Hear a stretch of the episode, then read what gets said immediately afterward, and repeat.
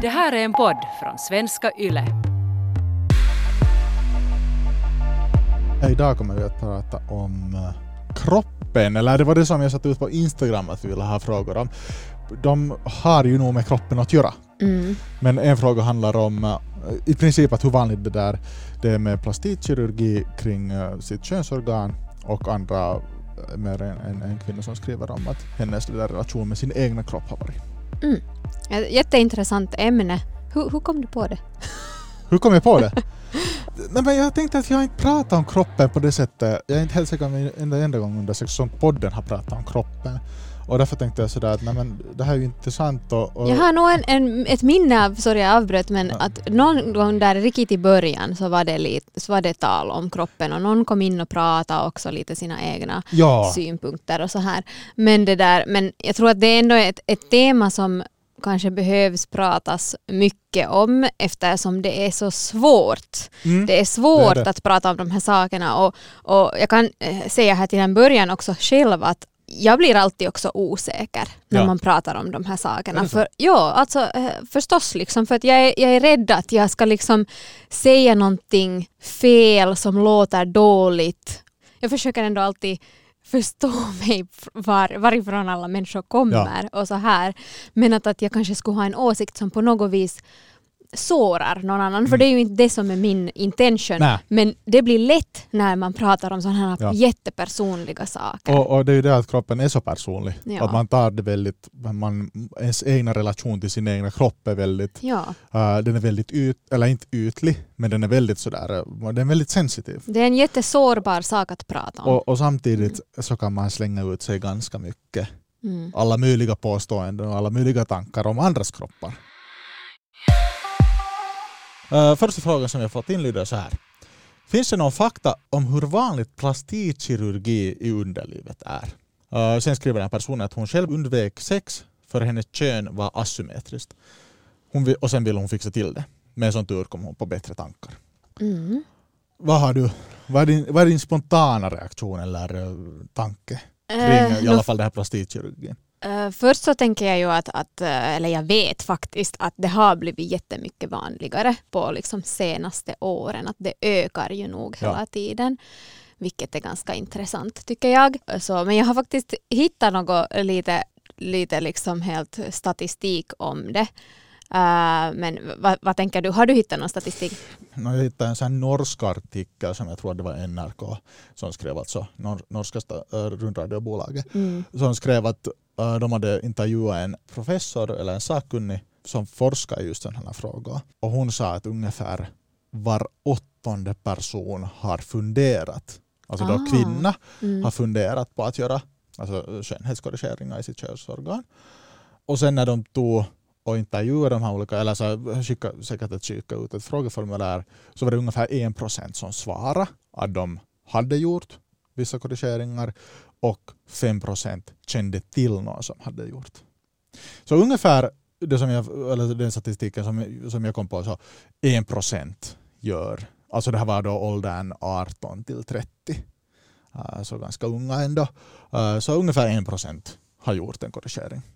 Av alla människor på hela jorden. Ja, ja, ja, nej, alltså av, av, av norskar Okej. i åldern 18 till 30 Just det. och jag tror att det här var specifikt bara för kvinnor. Eh, det är nog intressant. Jo. Jag, jag eh, hittade en artikel i eh, The Sexual Medicine Journal som eh, berättar att år 2019 så var mängden av just sån här sorts plastikkirurgi, de- det heter labiaplasty Ja. på, på engelska.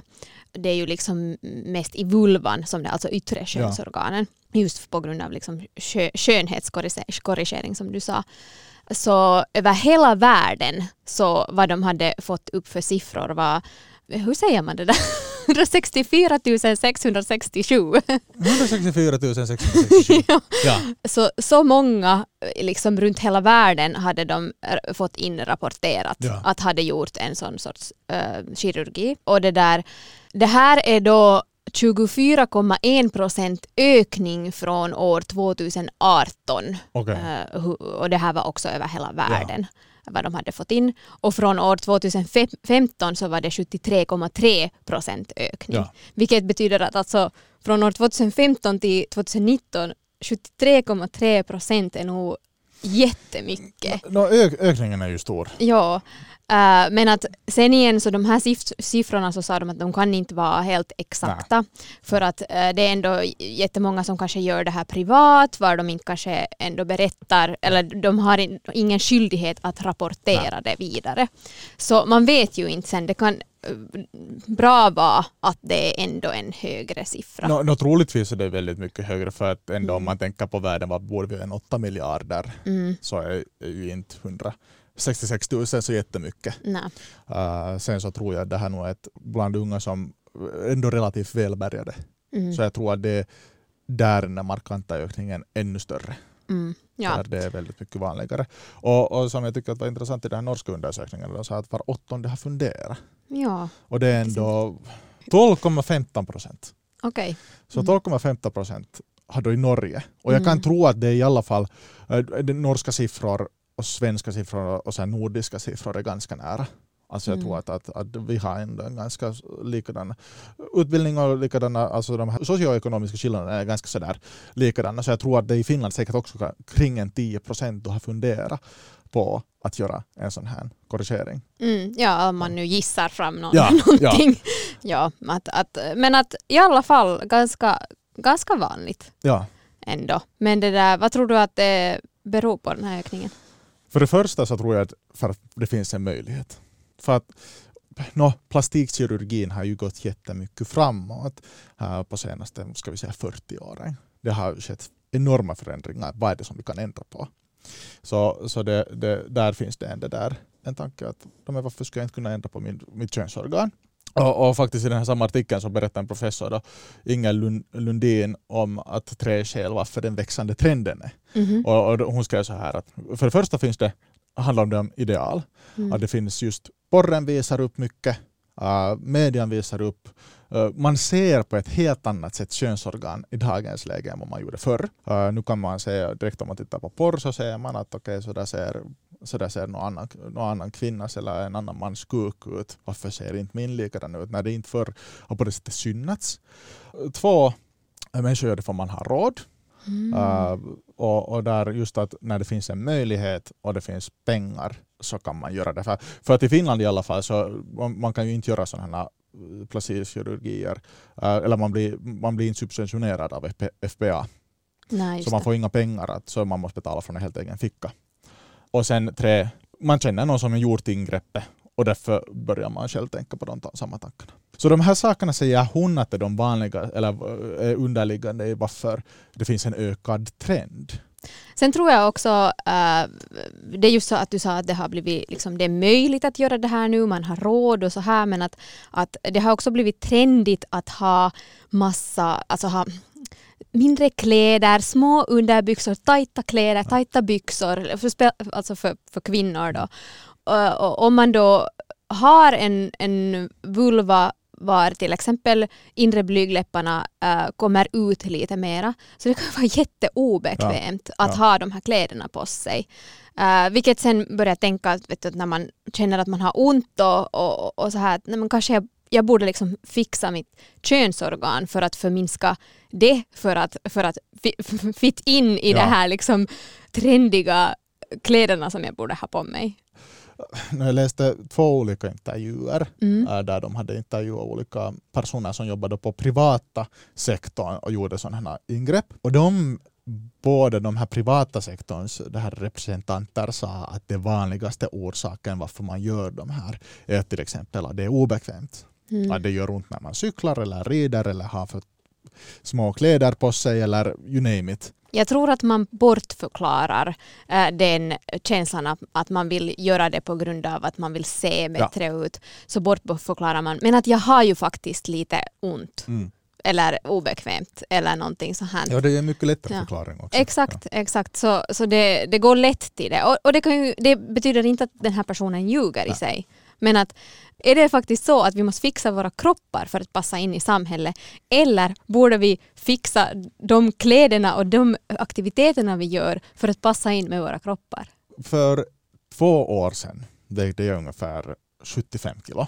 Jag hade inte tränat så jätteaktivt för det. Jag tränade alltid, jag var sån här, helt bra baskondition, rörde på mig, hade helt bra konto. Men sen tänkte jag att nu ska jag bara styrketräna. På nio månader gick jag upp till 92 kilo. Inte kan jag ju bära samma kläder mera som Nej. jag hade då när jag vägde 75 kilo. Nej. Utan jag måste ju också fatta att okej, men nu måste jag ju ändra för att jag har gjort eller, vissa saker i min kropp ser annorlunda ut. Nu måste jag ju ändra på hur jag bär min kropp. Eller hur jag bär de kläderna som jag har på min kropp så att det känns bekvämt. Och Det viktigaste är att jag mår bra i den kroppen som jag har och jag har de passande kläderna som passar mig. Och att jag kan rocka mig själv som jag har kunnat rocka mig själv tidigare. Det finns ju ändå så mycket olika möjligheter med just spe, speciellt kläder. Ja. Alltså det, det finns ju massa saker som man kan, man kan istället välja för de där tajtaste byxorna sen att ha på sig. Jag tror nog också på det där att bara kroppen mår bra. Man ska lyssna alltid på kroppen. Och om det är obekvämt, ja, ändra inte på din kropp, ändra på vad du har på dig. Ja. På, förstås liksom att kan man ha samma sorts stil till och med, men att bara någonting lite som passar din kropp Ja. bättre. Ja. Vad tror du att det beror på att, att så många har ändå äh, en sån här på ett sätt en fiktion över att, att man vill fixa, eller vi, vi pratar lite om det här att, att just att, att okej, kanske blygdläpparna hä- hänger ut lite och, och så. Och nu kommer jag väldigt med en sån här manlig gissning. Mhm. Jag började fundera på när vi fick in den här frågan att, att, att inte har jag någonsin med mina kompisar eller, eller sådär, inte har vi någonsin pratat riktigt om en, hur en fitta ser ut. Inte är det någonting som när man pratar om att när man haft sex med någon, att hur såg den där fittan ut? Alltså det, det finns inte på det sättet i min, i min värld ens att tänka sådär att ens att herregud kritisera någons annans könsorgan känns väldigt sådär orimligt och det känns väldigt sådär främmande. Men eh, varför tror du att man har en så mycket, så, eller varför, den där ökningen är ju markant, men varför tror du att man, eller vissa personer skäms så mycket över sitt könsorgan? I alla fall om det inte, eller jag tror i alla fall att det inte kommer jättemycket på det sättet från olika personers glåpord, utan det kommer just från det här egna huvudet. Eh, jag tror nog att den största grejen är ju nog det där att det har blivit vanligare att kolla på porr och, eh, och se, få se liksom de där bilderna. Så Ja. det, är ju, det, är ju nog, det är ju nog tror jag den vanligaste orsaken att, och speciellt då när det är så att man pratar inte så jätte, jättemycket om de här sakerna. Att liksom det, det pratas inte om hur, en, hur, hur, hur stor mångfald det Ja. finns i det här. Eh, så, så eh, unga kvinnor vet inte om det är liksom okej, är det vanligt, är det normalt? Liksom man, man, man vet inte de här Mm. sakerna. Och sen så börjar man titta på de här bilderna som man kommer åt och så, ser man ganska samma saker där och så tänker man att okej, att det här är ju inte, det här, så här ser ju inte jag ju Ja. ut. Att då måste det ju vara något fel. Eh, det tror jag nog att det är den största grejen och sen så går det liksom djupare och djupare. Mm. Nu tror jag också att det finns kanske till och med sådana som kan ha fått några kommentarer. Jo, jo, absolut. Mm, Det, alltså, nu, nu vet jag inte själv eller har någon sorts eh, så här, fakta på Nej. den saken. Men nu är det ju ändå liksom, det finns människor som faktiskt kommenterar på saker. Eller man behöver inte ens alltid kommentera det, utan det är också kanske någon gång att en person på något vis reagerar ens på eh, kanske när man tar av sig Ja. sina kläder eller någonting. Och redan den där reaktionen kan vara tillräckligt. Mm. Att- I, all, I alla att- fall om man har någon Precis. så här liten, litet frö i huvudet. Sådär. Precis. Shit. Och sen om någon reagerar Precis. så väcks det ju jättemycket och då väcks de här Ja. tankarna och, och, och man, den där osäkerheten. Mm, och det här är ändå ett så sårbart ämne, att liksom, eh, ett sårbart område. Att det är till, exempel, till exempel jag själv, att direkt om det är något som känns fel för mig Mm. i min Joni som jag kallar henne. så, så, det där. Så, eh, så då får jag alltså, jag får direkt lite sådär, oj nej, att vad är det nu, att jag, jag liksom, det är ändå en ganska sådär, ja som jag sa, sårbart ställe. Mm. Eh, Så man vill ju inte att det ska vara något problem där. Det tror jag också att direkt sen som man blir lite också osäker på det att hur det, ska det nu vara så här? Ja. Så då planterar man det där frö Ja. i huvudet och så blir det där om mohi och sen så om man just får någon sorts reaktion eller kommentar Ja. eller, eller ser mer och mer bilder på små, små fittor som eh, jätterakade och ser ut som nå, ni vet, Mm. så, så det där. Så ja, då, då, då blir man osäker Mm. och tänker att det är något fel på Mm. en. Men inte, inte vet jag nu, det, inte, det här var nu något jag kom nu, Nej, men jag tror drog att- från hatten. Men jag, men- tror att, men jag tror att det finns en point i det där att man Mm. inte... När den där diskussionen är på något sätt så underlagd. Okej, jag, jag brukar nu sällan sitta med kvinnor och diskutera om fittor. mm. Men jag kan tänka mig att det annars också är ganska sådär, det är väldigt ovanligt att, att hur ofta pratar jag om problem som jag har med min kuk. Där finns nog alla möjliga saker men det är sånt där som man alltid ska lära sig själv. Och när man alltid måste lära sig själv så fan var hittar man information? Man hittar på Google och sen så på Google så visar den bara perfekta eller sen att allting är fel. Utan man får aldrig en sån här helhetsbild över att allas könsorgan ser lite olika ut, alla könsorgan beter sig lite olika, uh, alla könsorgan doftar och smakar lite olika. Och that's a part of life. Det är en del ändå av, av oss själva. Som man måste komma ihåg att allting i oss ser ju annorlunda ut. Ja, det finns Mm. inte någonting som är perfekt eller det som finns inte någonting som är dåligt. Utan alla har olika storleks kukar eller fittor eller ollon eller, eller klitoris. Det har Mm. inte i princip någon skillnad. Men när vi ändå bara får eller matas in av viss sorts utseende så blir det så lätt att vi ser också att fittorna det inte ser ut på det där sättet. Det är just det. Du sa bra, bra saker där tycker jag absolut. Men det som jag ännu ville säga till den här personen som skrev Ja. in att, att ehm, jag tycker att det är fint att hon har kommit på andra tankar för att, att man inte faktiskt behöver eh, göra en korrigering för att vara nöjd med Ja. sig själv. Och just som du sa här, här att blygdläpparna att de är olika stora, asymmetriska, skrynkliga eller har eh, massa hår på sig, eh, att inre är större än de yttre och vad som helst. Alla de här grejerna. Så enligt mig och alla de där sakerna som du just också sa, att det här är vackert att vi har en så här mångfald och det är liksom en del av vårt unika Mm. jag.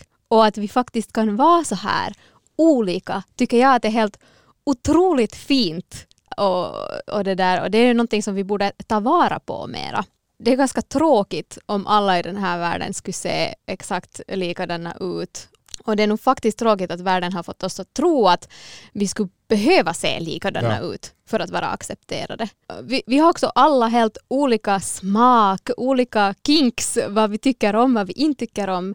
Och vi är inte här för att plisa alla. Man hittar ju sen de där människorna som tycker om oss just så som vi är. Alltså jag lovar att det finns no människor som kommer att älska alla de här unika delarna av, av just dig och, och det där och dina blygläppar precis, precis hur de ser ut. Ja, alltså helt säkert. Och jag tror att om det finns människor som inte gör det så då är de inte värda att dela den där underbara kroppen som man har. Nej, just då vänder de sig sig i reven. Ja, exakt. Eh, men, men eh, nu har vi ändå diskuterat en del att, att just att det är viktigt ändå att se olika sorts kroppar, olika sorts uh, könsorgan. Vet du någonstans varifrån man skulle så här lätt kunna hitta sådär att, ja. eh, bilder, sådär att man ser en kanske verklighet, att hur ser det ut på riktigt och inte bara, inte bara måste titta på porr. Ja, alltså jag rekommenderar jättevarmt, jätte, jättevarmt att följa uh, the.vulva.gallery på Instagram. Okej. Eh, det är nog liksom det bästa. De har också en webbsite var man också kan se helt um, eh, riktiga vulvor, liksom foton. Ja. Eh, men att eh, man hittar allt det där via det där uh, Instagram-konto. Men att där på det här Instagram-konto så har hon då som har startat det här så eh, hon är en artist och hon, hon ritar vulvor i alla olika sorters former och storlekar och de är jättefina och sen så skriver hon oftast, eh, hon brukar liksom rita av egentligen Ja. en vulva av en människa och skriver en, viss, en liten sån här story, backstory om den här människan som hon har ritat av. Ja. Och där får man just också att om man har något problem med hur man funderar över, över sin egen vulva och sina blygdläppar och hur de ser ut. Så man får jättemycket just sånt här stöd också därifrån för att man får höra alla andras osäkerheter och vad de har tänkt. Och kanske man hittar någon vulva som ser ganska liknande ut som en själv och så kan man gå dit in och läsa och jättemycket kommentarer kommer det oftast också och människor som är jättepippande och, och, och, och liksom hjälper varandra på det sättet. Så därför tycker jag om det Instagramkontot jättemycket. Gud vad roligt. Och Ja. gud vad kul att det finns också sådana människor som Och starta sådana här saker där man kan få lite mer Mm. information. Ja, och, och sen måste jag nog bara säga det också att när det handlar om de här sakerna så, så annars också att med, med, med Instagram och social media att, att kanske följa mera just sådana här konton som har sån här mångfald, har olika sorters kroppar och olika saker som de visar och kanske sluta följa just sådana som visar det där ena kroppen som, som man kanske själv börjar må lite dåligt faktiskt av att man tittar på det hela tiden. Vår fråga led så här att har du, haft, har du nu eller har du haft ett problematiskt förhållande till din kropp? Mm. Och sen skrev in en, en följare skrev in så här. Hen har haft hela sin tonår och eh, en del av 20 plus åren då problematiskt förhållande till kroppen. Fastän jag aldrig varit tjock så har jag sett mig som det och tycker det är något hemskt och skamligt.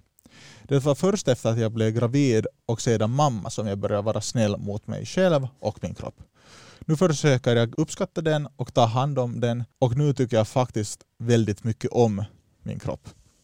Jag tycker att jag är, är fin, sexig och stark. Livet är mycket lättare när man är bekväm med sin egna kropp. Det är yeah! Helt super. Helt jättebra. Amazing! Ja. Ja. jag tycker om det här. Alltså, eh, det är, nog, det är nog sant det där, tycker jag. Att livet är nog eh, lättare. Förstås går det upp och ner. Ja. Det, det, det kan inte vara sådär att man älskar sin kropp varje dag. Det, det, det är bara inte så. Det går upp och ner.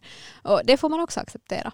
Men det där, men jag tycker det är jättefint att eh, du som skriver in att har bör- börjat tycka om din kropp och tycker att du är snygg och sexig och allt det här. Jag, jag måste säga här faktiskt i en början att jag tror att det kan vara att jag, att jag tror att det kan vara också det att när man är gravid och att, att eh, sen föda ett barn att det kan göra att man märker vad liksom ens kropp själv är kapabel till att Mm. göra. Och man kanske märker att hur otroligt magisk den egentligen är. Att den kan den kvinnliga kroppen då, då att liksom, herregud, att vi kan bära ett annat liv. Tänk! Och, och, Det är nog ganska sist faktiskt. det är så sistigt. Och alltså, det är liksom så otroligt att, att det här är ens möjligt, att våra kroppar kan göra Ja. någonting så här. Och att det att vi liksom stannar upp och börjar märka de här juttorna, att wow, vad kan vår kropp göra för oss? Och nu pratar jag inte heller bara om, om, om kvinnokroppen, också liksom eh, den manliga kroppen, att vilken intelligens den har. Och eh, liksom att, vad vi, eh, vad, att hur vi kan märka, känna olika känslor och märka när vi behöver en, det ena och det andra. Ofta är vi kanske lite för mycket uppe i vårt huvud att vi inte ens lyssnar riktigt på kroppen. Men om vi lär oss att lyssna på kroppen, att hur mycket signaler den hela tiden ger åt oss. Mm.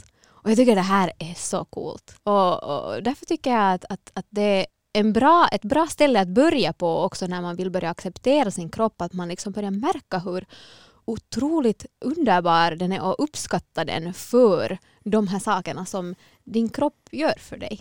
Och, och just det där att på riktigt lära sig att kunna lyssna på den tror jag att det är jätteviktigt. Mm. Att varför är jag trött? Varför är jag Mm.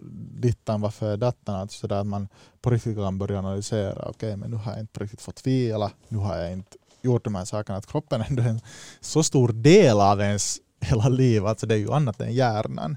Uh, hur mår mina muskler? Hur mår mina... Allting i Mm. mig. eh, som nog ger en, en riktlinje till att, att på riktigt försöka må bra också. Många brukar säga att man måste ju älska sig själv för att man kan älska någon annan. Jag tror delvis på det, Mm. men det är satans mycket lättare att älska någon annan där man kan ens älska sin egna kropp. Jag tror på det. Ja. Äh, men det där, jag, tänk, jag tänker att skulle, vi skulle kan, kanske kunna gå in lite på att, att äh, varför är det så svårt Mm. att acceptera äh, sin kropp? Och, och jag tror att vi har sagt ganska många saker redan äh, där tidigare som går lite in på det här men att, vad, vad tänker du? Nå, nå, hon sk- skriver ju in att här att, att eh, hela tonåren är en del av mina 20 plus år. Mm. Jag tror att den är väldigt, det är väldigt vanligt. Alltså, tonåren är en jävla problematisk tid för Mm. människa. Alltså, allting förändras. Ja. Man blir, från att vara ett barn så blir man en vuxen människa. Hela kroppen förändras så drastiskt som gör att det psykiska eller fysiska inte hin, hin, hi- hinner eller hänger med. Och det tror jag att, att kan på riktigt skapa jättestora problem för en. Psykiskt kan skapa stora problem för en där man inte riktigt förstår att varför ser jag ut så här eller varför beter mig, min kropp sig på visst sätt. Och eh, nu säger jag inte att inte man kan ha kroppsproblematik när man blir äldre. Men jag Mm. tror att det, den här tiden är så jättes, man är så sårbar Ja. i sin tonår och, och i sena tonåren. Att den formar en så mycket. Och det är så mycket som händer som gör att man aldrig i princip hinner lära känna den där kroppen förrän den har gjort igen en förändring. Mm, och det är ju det också att, att i tonåren så snappar man upp så jättemycket allt möjligt från sin omgivning. Att sen när man är lite äldre så har man kanske liksom redan börjat acceptera vissa saker och liksom tar inte in så jättemycket av allt det här som kommer runt, runt omkring ifrån Mm. oss. Att jag tycker inte att det är ens något konstigt att vi har problem med det här Nej. i hela samhället. För att jag menar, allt som vi ser omkring oss och, och just att de här bilderna som man ser på sociala medier och överallt hur retuscherade också de oftast är och att vi får, vi, vi får en bild på hur vi borde se ut medan ingen egentligen riktigt ser oftast ens ut Ja. så. Eh, väldigt få åtminstone. Att vi liksom försöker nå något sorts ideal som är ganska orealistiskt till och och med. väldigt overkligt. Alltså Eller hur? Eh, så det är liksom, och, och vad jag har tänkt på jättemycket på senaste tiden, jag vet inte om är patriarkat rätt ord att säga här, men att, liksom att vad det kommer från samhället, men att det känns som att det här, den här hela grejen, som att patriarkatet vill, vill liksom hålla det så här. Att för att, att vi ska liksom fortsätta köpa massa olika produkter och kläder och liksom massa olika buy, buy, buy så att vi ska försöka fixa oss själva på något vis. Så, att, så, så att vi inte åtminstone blir okej med våra kroppar så att vi inte slutar liksom konsumera.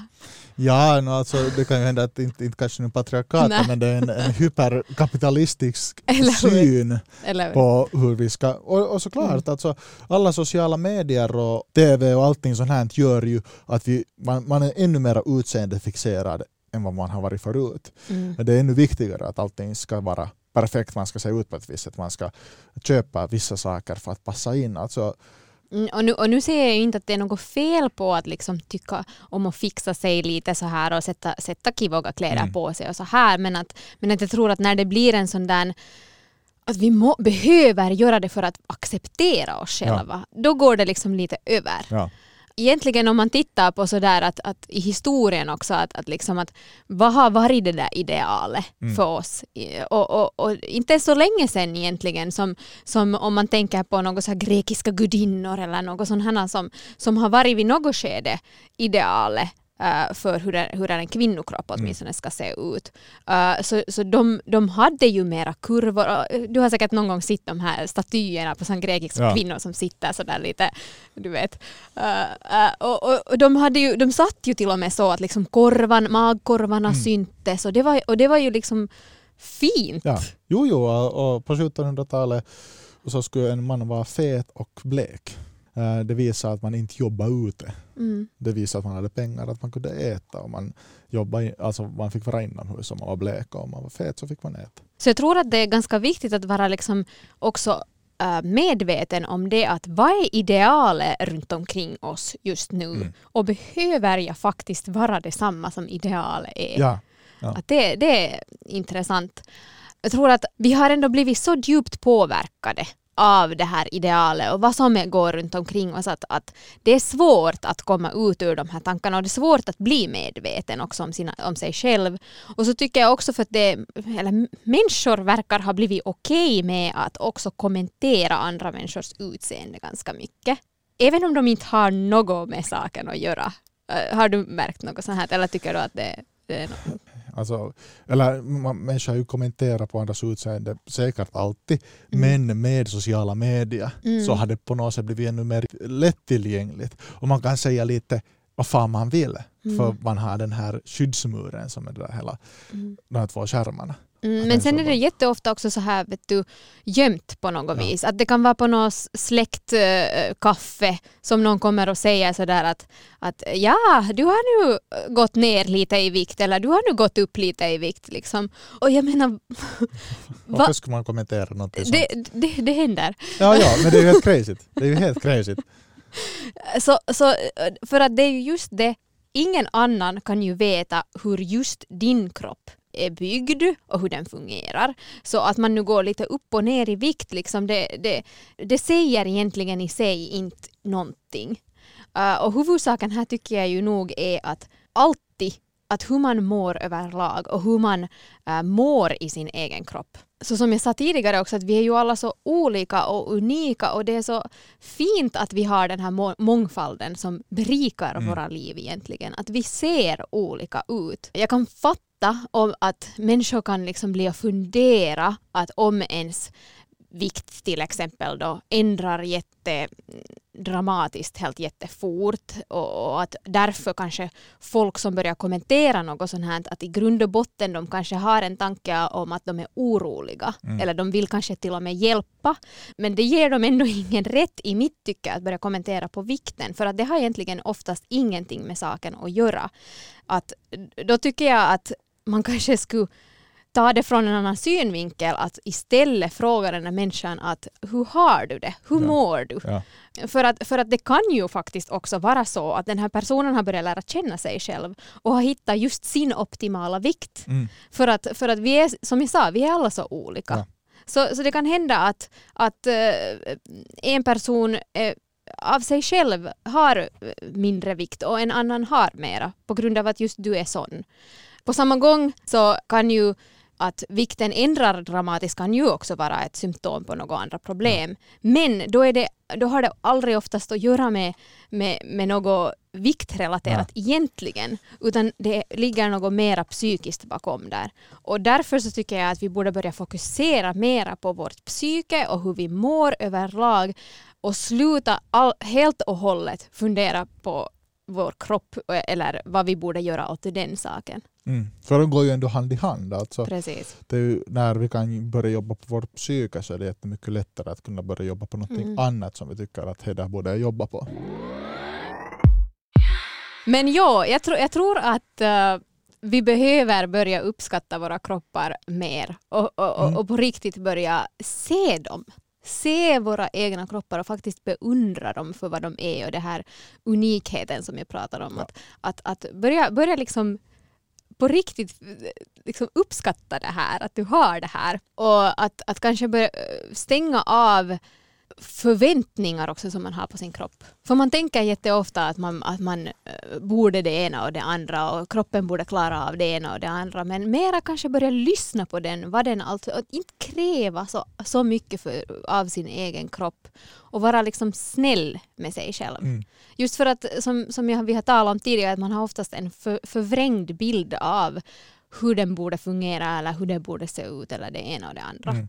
Och när man börjar lära känna sig själv och sin egen kropp och faktiskt lyssna på den så kanske man börjar förstå mer att okej okay, mm. att jag behöver inte göra allt det här. Jag har ett sånt här tips som kommer direkt. Jag pratar lite om det där att, att ställa sig själv framför spegeln och titta på sin vulva men, men jag, det här är också med hela kroppen tycker jag att är en jättebra sån här övning som man kan göra med sig själv och att man tar faktiskt en ordentligare titt när man ser där och man kan fast ta av sig alla kläder om det känns okej okay, och titta på kroppen att de olika delarna och, och, hur, de, hur de sitter fast i varandra. Hur är du, just du uppbyggd? Vad har du för små knottror eller rynkor någonstans eller några uppbuktningar där, där och där. Liksom att de, eh, och de här är ju just unika för dig. Och hur, hur, hur ser de faktiskt ut och hur fint är inte det här att det här är du? Och kanske man kan sen börja liksom lite röra på olika ställen av sin kropp och hur känns de? Tänka på så här, det är lite så mindful övningar här på samma gång. Att, känns det mjukt eller rynkigt eller vad, vad, vad, vad händer där då? Och sen också just att wow, att jag har en kropp som rör sig så här. Hmm, mm. kan, hur kan jag röra mig åt det här hållet eller det här hållet? Liksom börja experimentera med det här. Att, att vad kan min kropp riktigt göra? Och jag tänker när man börjar göra en sån här övning så är det ganska vanligt också att det börjar komma upp negativa tankar när man står där framför spegeln och börjar titta sådär att oj nej, att jag, jag, jag hatar den här delen med mig själv. Och det är också helt okej okay att de här tankarna kommer, att inte direkt liksom bara skjuta bort dem, utan mera gå in på att fundera att okej, okay, men varför tänker jag så här? Tycker jag nu faktiskt det här? Är det här min åsikt? Eller har jag fått höra det här från någon annan? Och det här som jag nu funderar på, är det här faktiskt sanning? Är det, är det sant? Eller är det bara en åsikt som har kommit någonstans ifrån? Så när man börjar liksom ifrågasätta sina egna tankar med hur man tittar och funderar på sin egen kropp. Så det här kan vara ganska, ganska powerful på något vis, att, att få tillbaka det här. ja, men kanske, kanske det inte är så egentligen. Mm, och sen efter det att liksom faktiskt börja sen fokusera på de där delarna som man faktiskt tycker om. Det här som du gjorde här tidigare också. Att, men, vad, vad är sisti med din kropp? Mm. Att just börja fokusera på de här att, att, och börja säga liksom högt till sig själv att det här tycker jag om och det här är, ja, att, att åtminstone först att det här är mindre dåligt och sen det här gillar jag och det här älskar jag. Och gå liksom lite igenom de grejerna och jag, jag tror att när man använder också detaljer i det här, man säger högt de här i, i, i en detalj som till exempel att jag älskar hur mina underbara blåa ögon glittrar och vad vackra de är. så här, när man säger sånt till sig själv så, eh, så då, och när man hör det på samma gång så sjunker det in på ett helt annat sätt. Uh, och sen när man gör den här övningen mer och mer så börjar man märka att wow, jag börjar hitta fler och fler saker i min kropp som jag faktiskt tycker om. Och, och att kanske till och med de sakerna som man mindre gilla med sig själv, att man börjar se de där fina delarna i också de delarna mm. och, och, att man börjar tycka om dem. Um, men jag tänker att det finns nog många, många sorters sådana här övningar som man kan göra för att liksom bli bättre på att acceptera sin kropp och sig själv. Men att de kommer ännu inte alla gå, gå in på, det blir för länge. Men uh, andra saker som kan hjälpa på vägen Uh, så är att hitta sådana aktiviteter som man kan göra som uh, just din kropp tycker om och mår bra av. Mm. Att då när man faktiskt kan röra på sin kropp och få känna den, så det, det, det, det kan hjälpa. Just röra på kroppen på olika sätt och, och dans tycker jag att är en jättesuperfin grej som man kan göra. Uh, för där just behöver man just använda sin kropp, man kanske behöver lite gå utanför sin bekvämlighetszon mm. också. Och, men man kan ju åtminstone dansa med sig själv. Det kan ge, ge ganska mycket. Sen också förstås att ge sig själv och sin kropp egen tid och kärlek.